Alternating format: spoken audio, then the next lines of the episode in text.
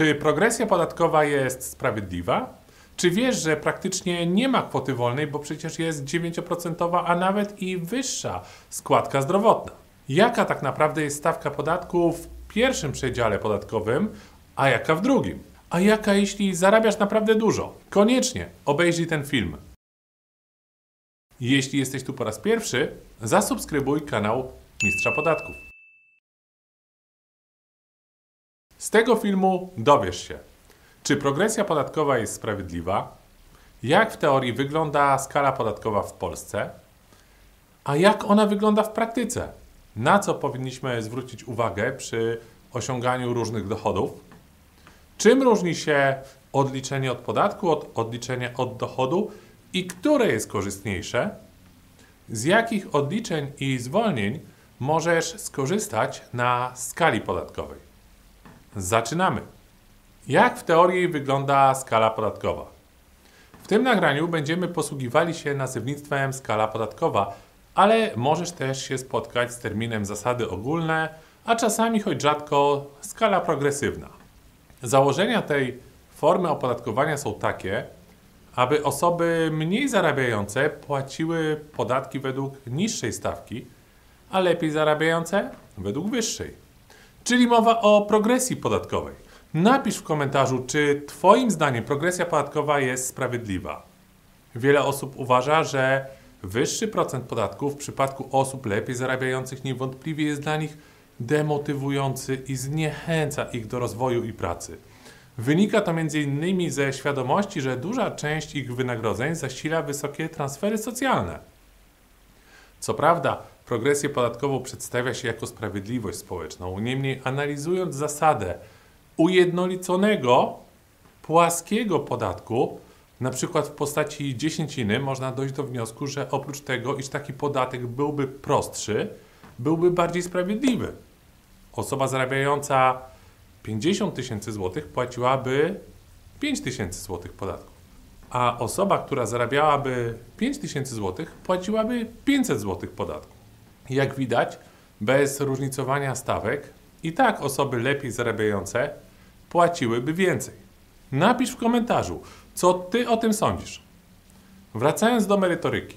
Skala progresywna polega na tym, że do kwoty rocznego dochodu w wysokości 120 tysięcy złotych stawka podatku wynosi 12%, a od nadwyżki przekraczającej tę kwotę 32%.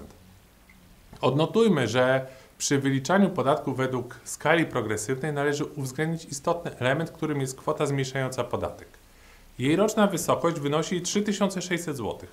Zauważ, że kwota wolna od podatku na poziomie 30 tysięcy złotych wynika z podzielenia kwoty 3600 zł przez 12%. Uważaj na sumowanie się dochodów. Pamiętaj, że dochody z działalności gospodarczej opodatkowanej według skali są sumowane na poziomie zeznania rocznego z innymi dochodami opodatkowanymi według tej formy. Na przykład umowa o pracę, umowa zlecenie, wynagrodzenie członka zarządu w ramach powołania, emerytura itd. Tak Nie mając tej świadomości, wiele osób dotkliwie odczuwa dopłatę podatku w terminie złożenia zeznania rocznego. Dzieje się tak dlatego, że zaliczki w ciągu roku odprowadzane są według niższej stawki w ramach różnych źródeł przychodów, a dopiero po zsumowaniu wszystkich dochodów w zeznaniu rocznym wyliczany jest podatek według dużo wyższej stawki. Dzieje się tak w razie nadwyżki przekraczającej 120 tysięcy złotych dochodu.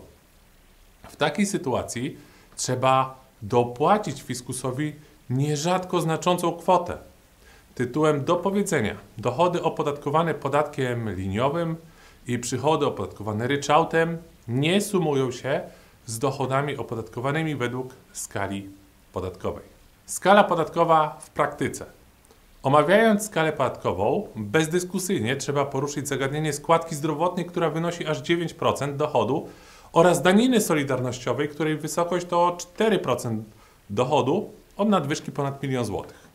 Dodatkowe obciążenie publiczno-prawne w postaci składki zdrowotnej sprawia, że w praktyce nie ma kwoty wolnej. Można przyjąć, że stawka podatku do kwoty dochodu 30 tysięcy złotych rocznie wynosi 9%. W celu zastosowania uproszczeń Pomijamy zagadnienie minimalnej składki na ubezpieczenie zdrowotne przedsiębiorcy. Przy jej uwzględnieniu stawka obciążeń w tym przedziale zapewne byłaby wyższa. Otwórz kalkulator i podziel kwotę minimalnej składki zdrowotnej przez na przykład 2000 zł miesięcznego dochodu. Prawda, że wychodzi więcej niż 9%? Idąc dalej, przy uwzględnieniu podatku dochodowego, składki zdrowotnej i daniny solidarnościowej w przedziale od 30 tysięcy złotych do 120 tysięcy złotych stawka obciążeń wynosi 21%. W przedziale od 120 tysięcy złotych do miliona złotych stawka obciążeń to aż 41%, a od nadwyżki ponad milion to 45%. Zgodzisz się ze mną, że to już bardzo dużo? Ale to nie wszystko.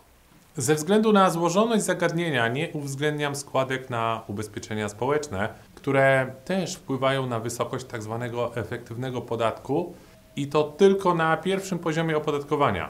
Chodzi o podatek dochodowy wraz z daniną solidarnościową i ZUS, czyli wszystkie składki, a nie tylko zdrowotna. Te obciążenia są nazywane klinem podatkowym, który wynosi około 40%, a czasami prawie 50% i zależy on od wysokości zarobków. Jeśli chcesz dowiedzieć się więcej na ten temat, obejrzyj jeden z moich poprzednich filmów na tym kanale, do którego linkuję tutaj.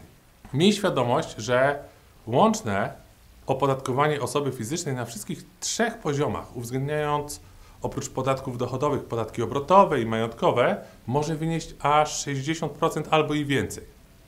Jeśli chcesz policzyć, ile wyniesie Twój efektywny podatek na poziomie podatków dochodowych przy prowadzeniu działalności gospodarczej na skali podatkowej i nie tylko, pobierz za darmo nasz autorski kalkulator. Link w opisie. Zeznanie roczne i ulgi przedsiębiorcy na skali podatkowej. Podatnicy rozliczający się według skali podatkowej składają zeznanie PIT-36 w terminie do końca kwietnia następnego roku. Oprócz możliwości wspólnego rozliczania się z małżonkiem, o czym powiemy sobie w jednym z kolejnych filmów, lub jako rodzic samotnie wychowujący dziecko, mogą skorzystać także z licznych ulg podatkowych. Mowa o odliczeniach i zwolnieniach. Odliczenia dzielimy na takie, o które pomniejsza się sam podatek i takie, o które pomniejsza się dochód. Odliczenia od podatku są korzystniejsze, ponieważ zmniejszamy kwotę podatku, a przy odliczeniach od dochodu pomniejszamy tylko podstawę opodatkowania, czyli oszczędzamy tylko stosunkowo niewielką część podatku. Poza odliczeniami można skorzystać ze zwolnień podatkowych. Spójrzmy zatem na przykładowe odliczenia i zwolnienia, z których może skorzystać przedsiębiorca rozliczający się według skali podatkowej. Odliczenie od podatku. Przedsiębiorcy opodatkowani według skali mogą skorzystać z następujących odliczeń od podatku. Ulga prorodzinna, czyli ulga na dzieci. Ulga abolicyjna dotyczy dochodów zagranicznych i została bardzo ograniczona od 2021 roku. Odliczenie od dochodu. Przedsiębiorcy opodatkowani według skali podatkowej mogą skorzystać z odliczeń od dochodu, m.in. z tytułu zapłaconych składek na ubezpieczenia społeczne. Uwaga! Nie mogą być odliczane od dochodu w zeznaniu rocznym, jeśli zostały uwzględnione w kosztach. Wpłat na indywidualne konto zabezpieczenia emerytalnego do ustawowego limitu. Przekazanych darowizn na cele i rzecz organizacji wskazanych w ustawie. Nie więcej jednak niż 6% dochodu. Wydatków na realizację przedsięwzięć termomodernizacyjnych.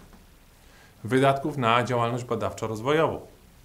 Wydatków na cele rehabilitacyjne wydatków ponoszonych przez podatnika z tytułu użytkowania sieci internet, wydatków poniesionych na prace konserwatorskie, restauratorskie lub roboty budowlane związanych z zabytkami nieruchomymi, strat z lat ubiegłych. Skalowcom przysługuje również ulga dla honorowych krwiodawców. W ramach rozliczenia według skali podatkowej odliczenie z tytułu zapłaconych składek zdrowotnych nie jest możliwe. Zwolnienia podatkowe. Przedsiębiorcy opodatkowani według skali podatkowej mogą skorzystać m.in. ze zwolnień dla rodziców co najmniej czwórki dzieci, dla aktywnych seniorów, dla osób zmieniających na polską rezydencję podatkową. Uwaga! Limit jest łączny, czyli korzystając z dwóch lub trzech wymienionych zwolnień jednocześnie, przychód zwolniony z PIT nie może przekroczyć kwoty 85 528 zł. Skala podatkowa a IP Box.